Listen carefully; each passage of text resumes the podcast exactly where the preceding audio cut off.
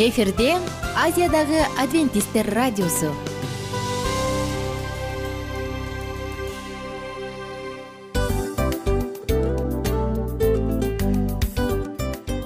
Достор салют. Баардык сүйүктүү угармандарыбызга салам айтабыз. Кутман күнүңүздөр менен. Ден соолук өмүрдүн булагы демекчи саламат саамы программасында баарыңыздарды көргөнүбүзгө абдан кубанычтабыз. Анда алгач амандашып өтөлү арбаңыздар деп. Ден соолугуңуздар кандай элибизде көбүнчө ден соолук кандай дегенде эле жакшы деп жооп беребиз э? ооруп турсак дагы жакшы дейбиз. Анан мен муну айтып ойлойт элем бул абдан сонун сөз депчи анткени бул жакшы деген үмүт да э ооба баары жакшы болот баары сонун. Деп үмүттөнүп атып эле өзүбүздү өзүбүз дарылап коебуз.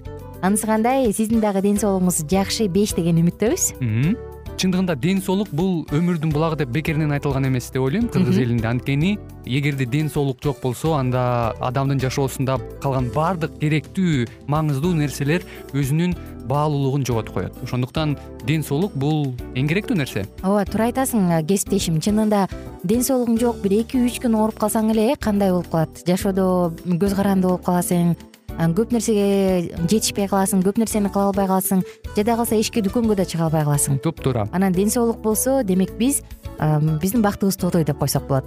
Анда достор саламат саамы рубрикабызды баштайлы. Алдыда өзүңүзгө керектүү болгон сонун кеңештерди уга аласыздар. Мына ошондуктан биз менен бирге болуңуздар. Ал эми биз болсо милан жана айнура. Кеттик алга. Алга саламат саама ден соолуктун жарчысы. Саламат саама ден соолуктун ачкычы. Күн сайын сиз үчүн мыкты кеңештер сонун жаңылыктар кызыктуу фактылар. Биздин рубрикада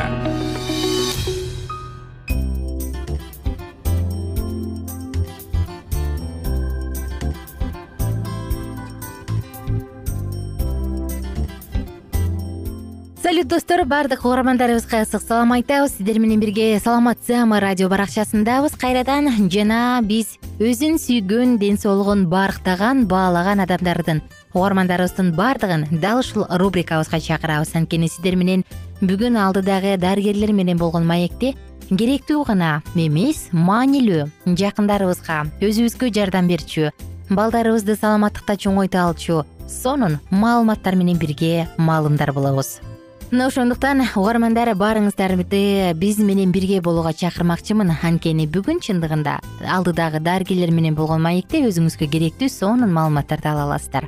Достор адамда биринчи байлык ден соолук деп бекер айтылган эмес э? Мына ошондуктан биринчи эң керектүү болгон байлык бул биздин сиздин ден соолугуңуз.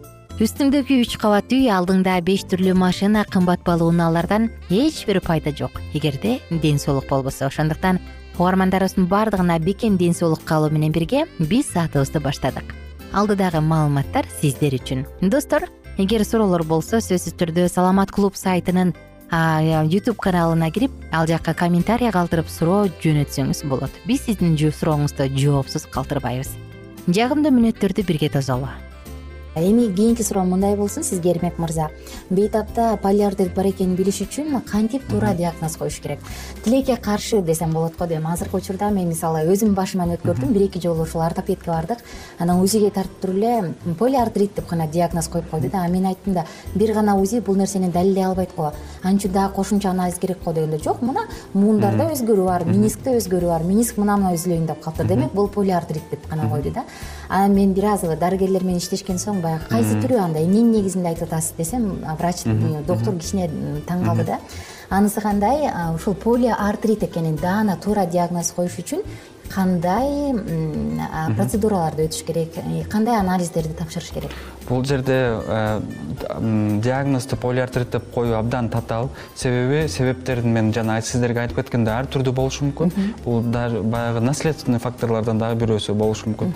Бирок э, кандайдыр бир э, көрсөткүчтөр менен ошол полиартрит диагнозун койсо болот. Мисалы үчүн бул баштапкы кандын жалпы анализин алыш керек. Эгер ошо полиартритке белгилер болгон болсо мисалы үчүн оорулар көбүнчө эгерде инфекция бар болсо соя көбөйүп болот ошо сою сезгени бар болсо. сою көбөйүп кетиши мүмкүн. Андан соң э, заараны тапшырса ал жерде жанагы туздун э, соли кристаллы болуп калышы мүмкүн.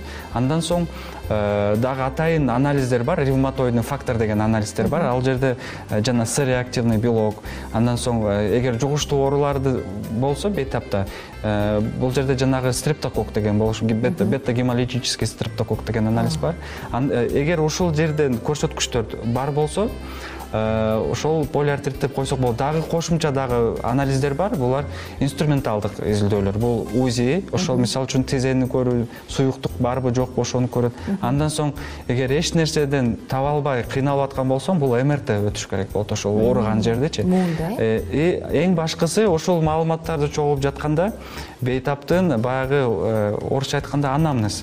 Толук түрдө качан ооруп баштады эмнеден ооруп баштады үй бүлөсүндө ооругандар барбы эгер бар болсо кандай оорулар менен ооруду ошол жалпы маалыматты алгандан кийин гана ошол полиартрит деп диагнозду койсо болот. Сиз айткандай бир гана узи менен коюу бул менимче эгер э, андай коюшу мүмкүн. Эгер бул э, дарыгер абдан тажрыйбалуу болуп бир эле мындай э, баягы бир көргөндө эле бир көргөндө эле айтып коюшу мүмкүн. Бирок мындай жаңы баштап жаткан дарыгер антип диагноз коюу абдан татаал деп айтам. Негизи эле ойлойм да эми бул полиартрит бул айыкпас дарт да менин билишимче.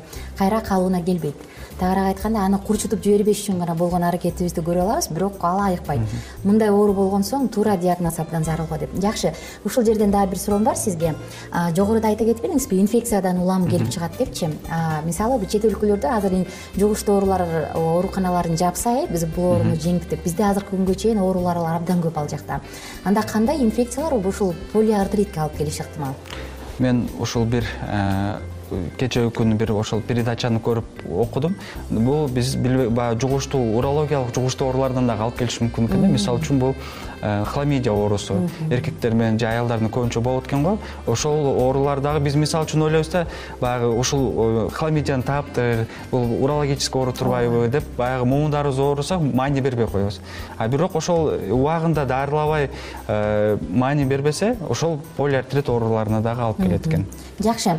Бизде суроолор бар угармандарыбыздан келип аткан карап алалык э көрөрмандардан келген андан соң уланталык полиартрит менен оорубаш үчүн эмне кылыш керек дейт? Айдиана көрөрманыбыз жазыптыр э, жакшы суроо экен. Бул полиартрит менен оорубаш үчүн биринчи иретте баягы туура тамактанышыбыз керек.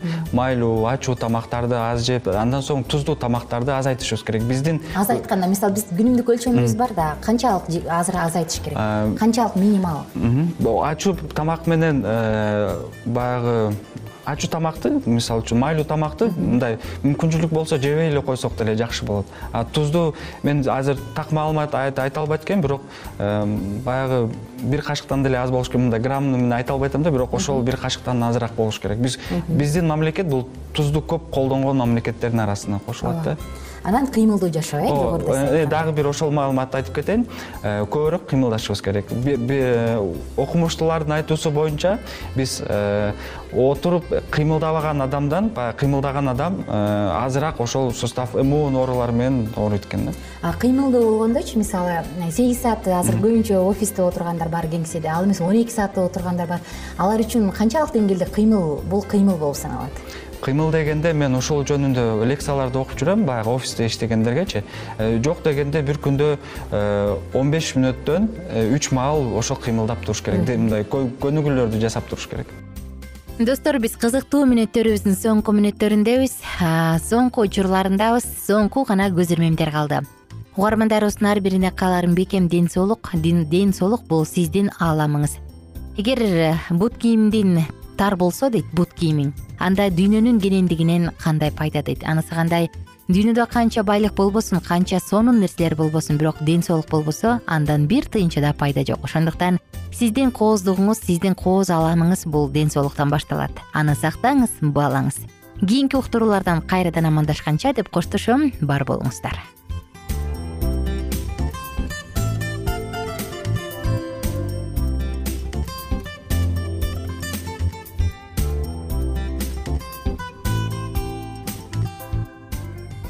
кененирээк маалыматтар үчүн үч w чекит саламат чекит клуб сайтына келип таанышыңыздар. Жана андан тышкары социалдык тармактарда youtube facebook жана instagram баракчаларына катталыңыз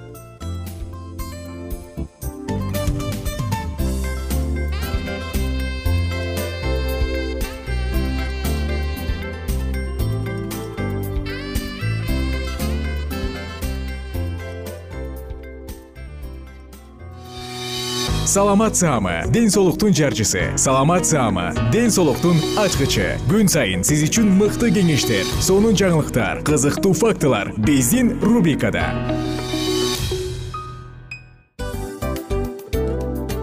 Салам достор. Кайрадан биздин сүйүктүү рубрикабызга кош келиңиздер деп айтмакчыбыз.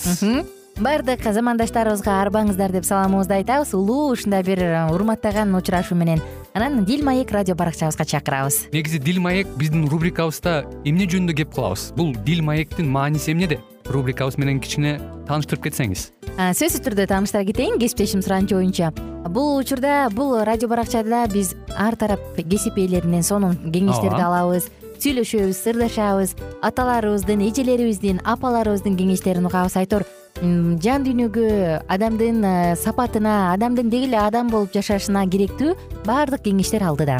Негизи э, дил маек дегенде баягы эки адамдын ортосундагы сырдашуу кенен сүйлөшүү. Негизи эле биз адамдар бири бирибиз менен бир жерге жай жерге отуруп алып өзүнчө тынч э, жашоо жөнүндө өмүрүбүздө эмне болуп атканын бөлүшкөнү жакшы көрөбүз э адамдар. Ооба туура айтасың анан мындай учурга кээде убакыт да жетпей келет э? Же болбосо сырыңды кайгыңды муңуңду кубанычыңды айткың келет адамга ишенбешиң мүмкүн. Ооба. А бул радио баракча угармандарыбыздын чыныгы досу анткени бизден алган кеңеш сиздин жашооңузга чоң жардам берет.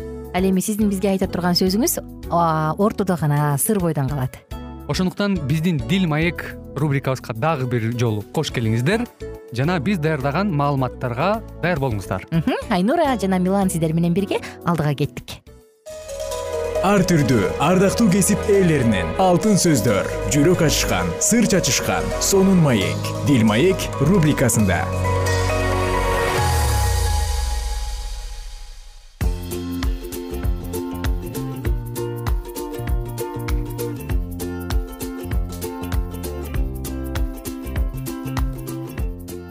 Кутман куш убак күнүңүздөр менен биздин замандаштарыбыз сүйүктүү досторубуз баарыңыздарга ысык салам амансыздарбы урматтуу угармандар. Кайрадан эле биз дил маек уктуруусунда кездешип жатабыз. Кызматта мен улан жана ошондой эле менин сүйүктүү жана сыпсылуу болгон татынакай кесиптешим айнура.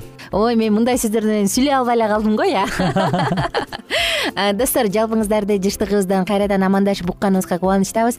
Бүгүн сиздер менен бирге үй бүлөдөгү кечиримдин ролу жөнүндө сөз кылып атабыз э? Үй бүлөдө кечирим ролу кандай деп. Анан мурунку уктуруубузда айымдар эмне үчүн оңой кечирим сурайт. Аларды кандай активдүүлүгүн көргөзөт деп кесиптешим сураганда биздин фантазиябыздын абдан күчтүү экенин айткам э. Ушул жөнүндө бир кичинекей окуя эсимде келип эсимен келип кетти бөлүшө кетейинби кандай дейсиң? Абдан сонун болот? Жолдошум жумуштан кеч келет. Жумуштан кеч келип диванда кечке ойлонуп отурат. Анан келинчеги мына карасаң бул бирөөнү таап алган го унчукпай отурат.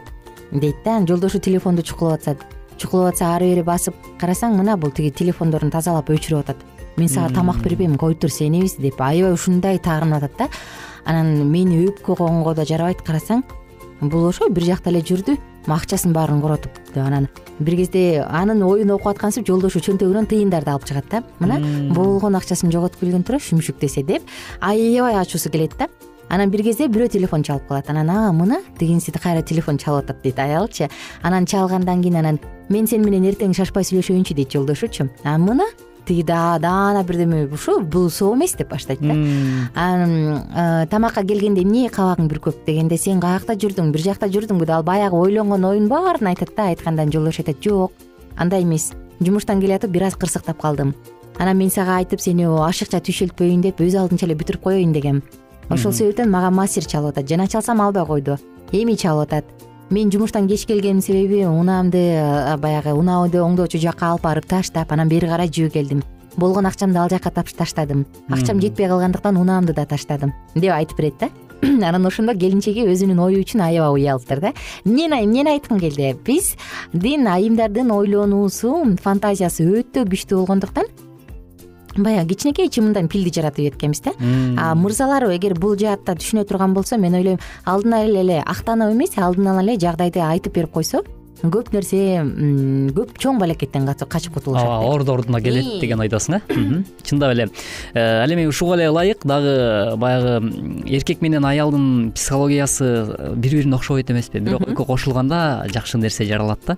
Ошол сыяктуу эле айымдардын ошо сен айткандай э, баягы мындай мээсинин бөлүгүндө дейбизби мээде баягы психологиялык жактан алганда өтө көп мындайча айтканда шкатулка деп коет го жанагы орусча айтканда бөлмөлөр мындайча айтканда кутучалар көп экен да. Ал эми эркекте болсо бир гана максат бир гана нерсени дайыма көздөгөндүктөн көбүн эсе баягы окумуштуулардын изилдөөсүндө аял менен эркектин ортосунда э, кандай айырмачылыктар бар э, баягы мээ тараптан айырмачылыктарды изилдеп келгенде көбүнчө эркектерден баягы ученыйлар э, окумуштуулар көбүрөөк чыкканы ошондон улам болгон экен да. Анткени эркек адам дайыма бир максатты ошого жеткенге аракет кылат экен. Ал эми аялдардыкы эки тамак да жаса баланы да кара. Ооба аябай мындайча айтканда бир чети мен мындай айымдарга ушунчалык мындай таң анан мындай баа берем да. Анткени чындап эле айымдардын түйшүгү ушунчалык оор. Анан экинчиден э, ал э, жана сен айткандай эле эмоционалдуу болгондуктан дайыма ар түрдүү ойлорду ойлонуп анан ошол жерде баардыгына жетишип атканын көрүп кээде мындай э, мен мисалы андай кыла алмак эмесмин дейсиң да. Ошондуктан мырзалар дагы чын эле мындай э, жогоруда сен айткандай айымдардын ойлоруна туура реакция менен баягы кадам кылып жооп кайтарганы бул алда канча жеңил болот го деп ойдомун негизи эркектин күчтүүлүгү эмнеде? Э бул аялын түшүнө билүү. Мен көбүнчө баягы эркек деген деп туруп көк муштум болгон эркектер бар го. Мен ойлойм бул эркектикке таптакыр жатпайт депчи. Бул эркектин эң эле алсыздыгын төмөндүгүн көргөзөт да. Келинчегине кол көтөргөн эркек. Эркек өзүнүн эркектигин качан көргөзө алат? Ошол айымды сүйүп ошол айымды түшүнүп ошол айымды кабыл алып кандай болсо ошол бойдон сүйүп анан бул менин балдарымдын апасы деп өзгөчө урмат көрсөтүп алганда мен ойлойм бул чыныгы эркектик да анткени ал адамды баягы мен сениби тарбиялайм деп эмес.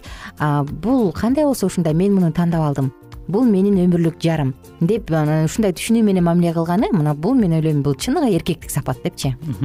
Туптуура айтасың чындап эле э, мырзалар бүгүнкү учурда мындай аялдын буга чейинки программада айткандай эле алсыздык экенин кабыл алып ошол эле учурда сөзсүз түрдө э, баягы мен эркекмин сенин ордуң деген өзүңдүн ордуңду билишиң керек молчать деп ордуңду билишиң керек деп тонубузду бийик көтөрүп э, жогоруда кесиптешим айткандай эле чоң муштум болуп бир чаа уруп калбай. Тескерисинче психологиялык жактан анын ойлору менен эсептешө билген эркек чыныгы күчтүү эркек болуп эсептелинет экен андыктан бул нерсени эч убакта эстен чыгарбайлы.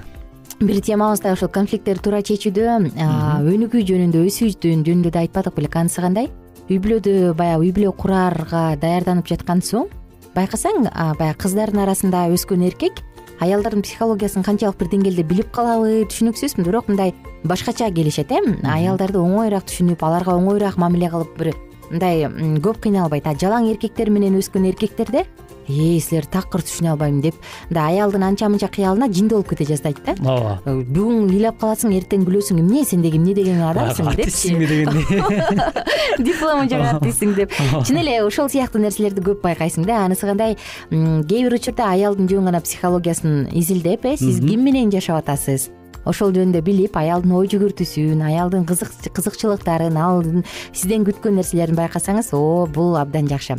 Бир менин курбум айтып калды эле мындай деп. Аны мага көп акча иштеп таап келгенин деле кереги жок дейт. Күнүмдүк жашообузга жете турган акчаны таап келсин мага керектүүсү бул бетимен сүйүп кучактап мен сени сүйөм алтыным жаным деп гана айтып койгон сөздөрү мага баардык муктажтарыман бийик турар эле дейт да. Ал болсо мен силерди багышым керек деп күн түн жумушта жүрөт дейт а мага жөнөкөй гана анын көңүл бурусу жетишпейт дейт да. Анысы кандай? Чын эле аялдын психологиясын билип алуу чоң чоң чоң балекеттерден кутулуп кеткенге жардам берет. Ооба сөзсүз түрдө э, мына ушул нерселерди эске аласыз деген ойдобуз урматтуу айымдар дагы мырзалар дагы. Э, бизге бөлгөн убакыт дагы ушунчалык тардыгына байланыштуу коштошконго дагы убакыт саат келип жетип калыптыр. Ал эми сиздер болсо бүгүнкү уктуруубуз боюнча кандайдыр бир суроолор жана пикирлер болсо төмөнкү whatsapp номериге калтырыңыз достор жалпыңыздар менен амандашканча сак саламатта туруңуздар. Күнүңүздөр көңүлдүү маанайда улансын. Кийинки уктуруубузда теманы андан ары аманчылыкта болуңуз урматтуу угарман.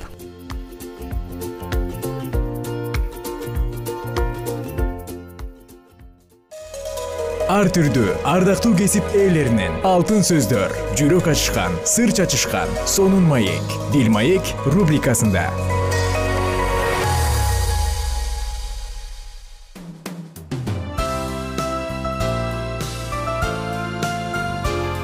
эфирде азиядагы адвентисттер радиосу.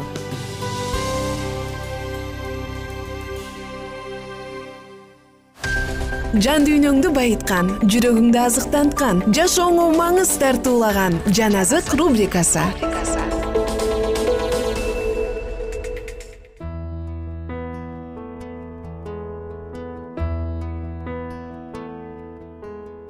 кутман күнүңүздөр менен биздин сүйүктүү досторубуз жалпы кымбат досторубуздун баардыгына угармандарыбыздын баардыгына ысык салам айтып сиздер менен бирге жан азык радио баракчасын баштадык.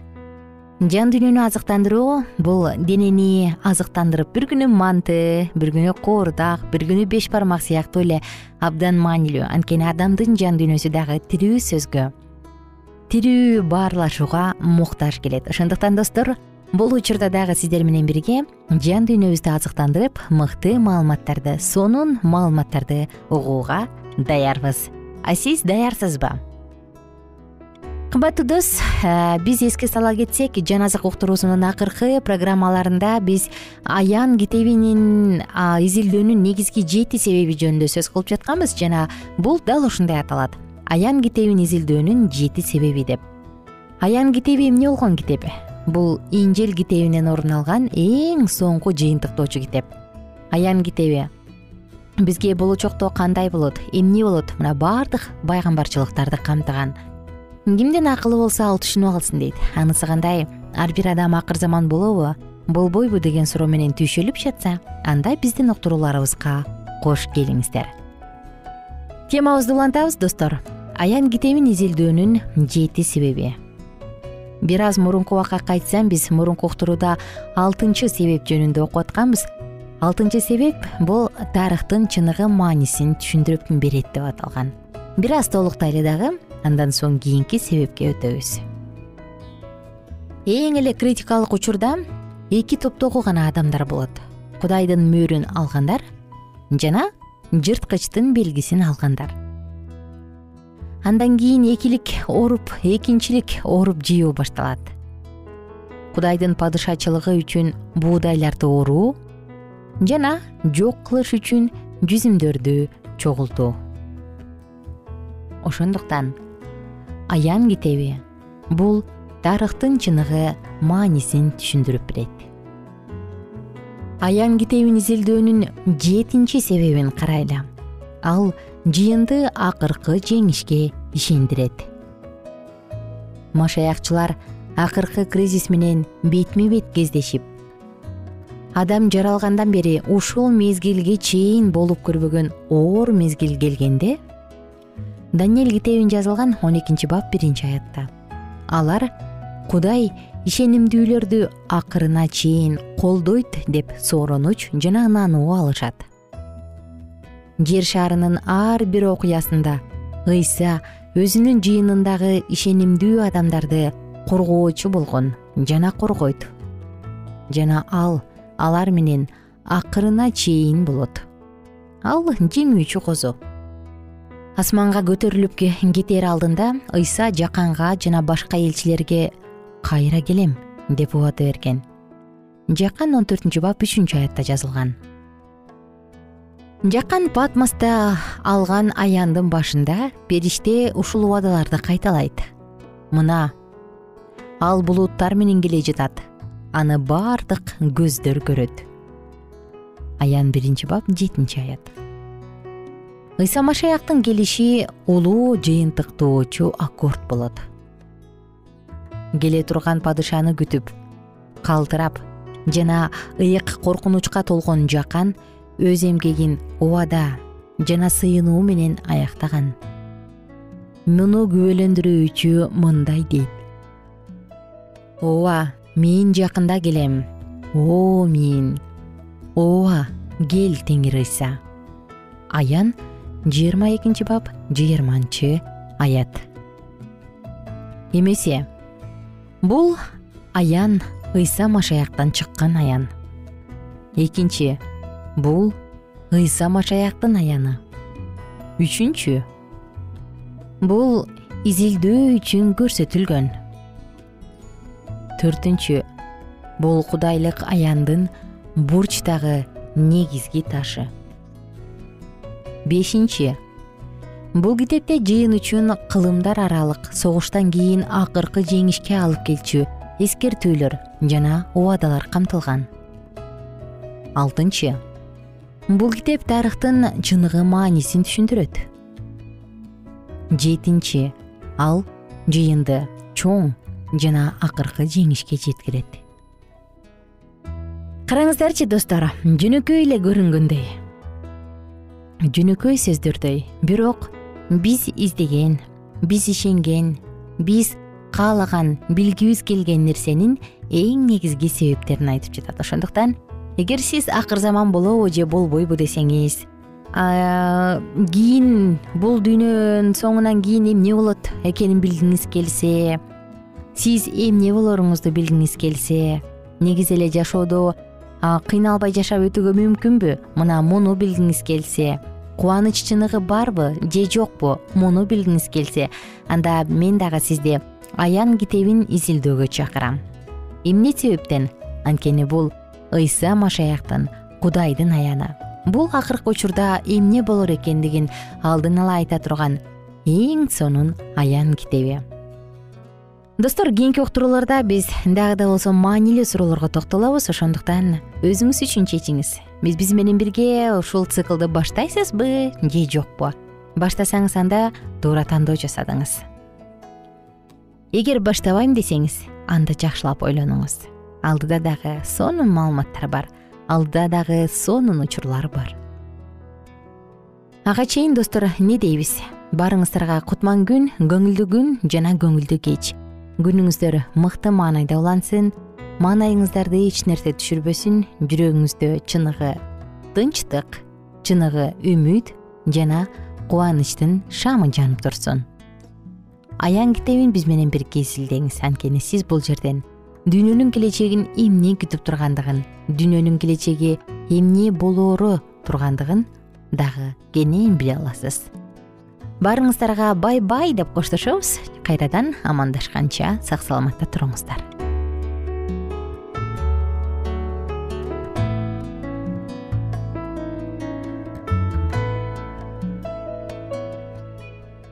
Эгер сиздерде суроолор болсо же көбүрөөк маалымат билем десеңиз анда биздин whatsapp номерибизге жазыңыз. Плюс бир үч жүз бир жети жүз алтымыш алтымыш жетимиш. Кайрадан плюс бир үч жүз бир жети жүз алтымыш алтымыш жетимиш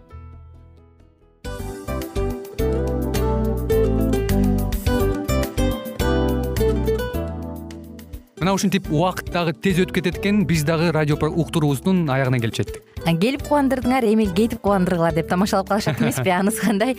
Радио баракчабызды программабызды азыр эле баштап аткандай болдук элек. Мына соңуна келдик э? Негизи убакыт э, билинбей өтүп кетет экен.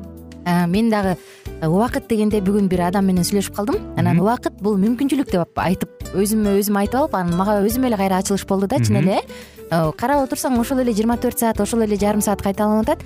Бирок сендеги мүмкүнчүлүк жок ошол кой берилип кетти? Анысы кандай? Бүгүнкү сонун убактыңызды алтындай болгон жарым саатыңызды бизге бөлүп арнаганыңыз үчүн ыраазычылык айтабыз. Анан жашооңуздун кайсы бир сферасын өзгөртө турган сонун пайдалуу кеңеш алган болсоңуз анда биз максатыбызга жеттик. Анан ушул нерсени кылбасам десеңиз ошол өзгөрүүлөрдү кичинекей кадамдардан баштап иш жүзүнө ашырыңыз дагы жашооңузда чоң чоң ийгиликтерге жетиңиздер чын жүрөктөн ар бир берилген кеңештер сөздөр сиздерге пайдасын алып келет деп ишенебиз. Жана кийинки уктурууларда сөзсүз түрдө чыдамсыздык менен сиздерди күтөбүз. Сагынычтуу салам айтып кайрадан дал ушул жыштыктан баардыгыңыздарды тосуп алганча кызматта мен айнура жана кесиптешим милан. Анда кол пулгалайбыз жалпыңыздарга ийгиликтүү күн. Саламатта калыңыздар